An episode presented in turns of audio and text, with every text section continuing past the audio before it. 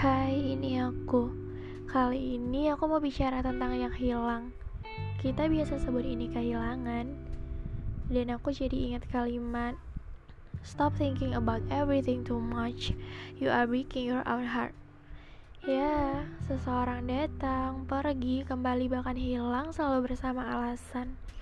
Bukan hanya tentang salahmu, juga tentang gimana kamu di pikirannya. Sederhananya, arti kamu bagi orang lain adalah gimana kamu tercipta dari kemungkinan yang ia buat sendiri. Ada banyak hal di dunia yang bisa pergi, dan ini tentang kehilangan. Entah untuk kembali atau bahkan sebaliknya, seberapa kuat menahan sesaknya dan membuatku sepakat bahwa kehilangan tetap aja menyakitkan gimana pun bentuknya. Entah itu kita yang meninggalkan atau kita yang ditinggalkan. Beginilah pertemuan bekerja, hadir untuk bersama atau hanya singgah lalu pergi dan hilang.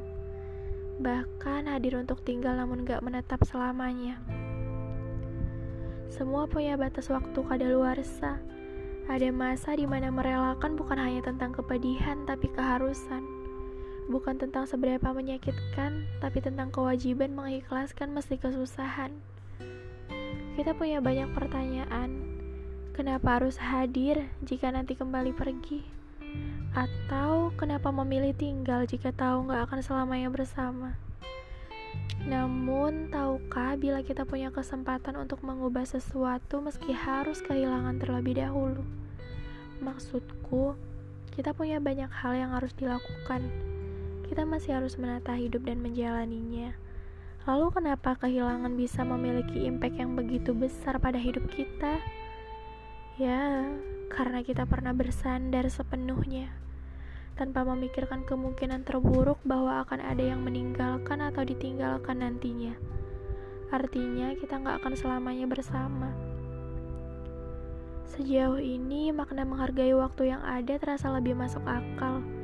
Gimana bisa mempertahankan jika kodratnya manusia adalah kembali pada Tuhan? Itu artinya kehilangan udah jadi bagian dari hidup kita. Namun, gimana buat kehilangan yang masih bisa kita tatap?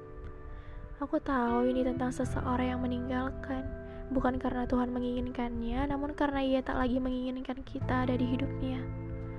Dariku, jika kamu emang begitu berarti, maka dia gak akan meninggalkan untuk alasan apa pun. Gak akan memberikan rasionalitas atas kepergiannya, karena ia tahu kamu gak akan baik-baik aja tanpanya. Dan jika emang benar ia telah pergi untuk hal lain yang ia inginkan, maka merelakan adalah kewajiban satu-satunya yang kamu harus lakukan. Jangan mendikte kehidupan. Hidupmu hanya untuk kemungkinan bahwa ia akan kembali padamu.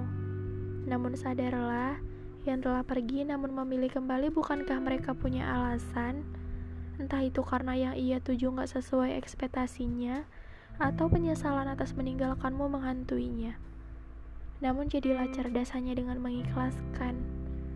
Buatku, sesuatu yang telah pergi bukankah bukan hak kita untuk memintanya kembali? Apa pun itu. Dan dari dua kehilangan tersebut, baik maut maupun pilihan hidup, duanya sama-sama mendebarkan, menyesakkan, bahkan mengurai air mata tanpa bisa tertahankan tapi yakinlah kita hanya perlu mengikuti arus sungai agar tahu apa yang terjadi di penghujungnya. Begitu pula hidup. Kita nggak punya kuasa mengubah apa pun dalam bentuk sebuah perintah.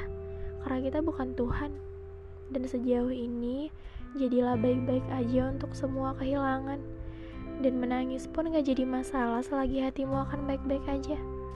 Aku yakin kita punya hal yang lebih menyita waktu daripada sekadar meratapi kehilangan yang kita tahu gak akan pernah kembali. Sampai akhirnya ancaman kecil soal kepergian gak lagi bikin kita ketakutan. Karena kita udah awam sama perpisahan bahkan kehilangan. Kita hanya butuh tahu itu. Terima kasih sudah mendengarkan. Semoga kamu bahagia meski sedang kehilangan seseorang. Dah.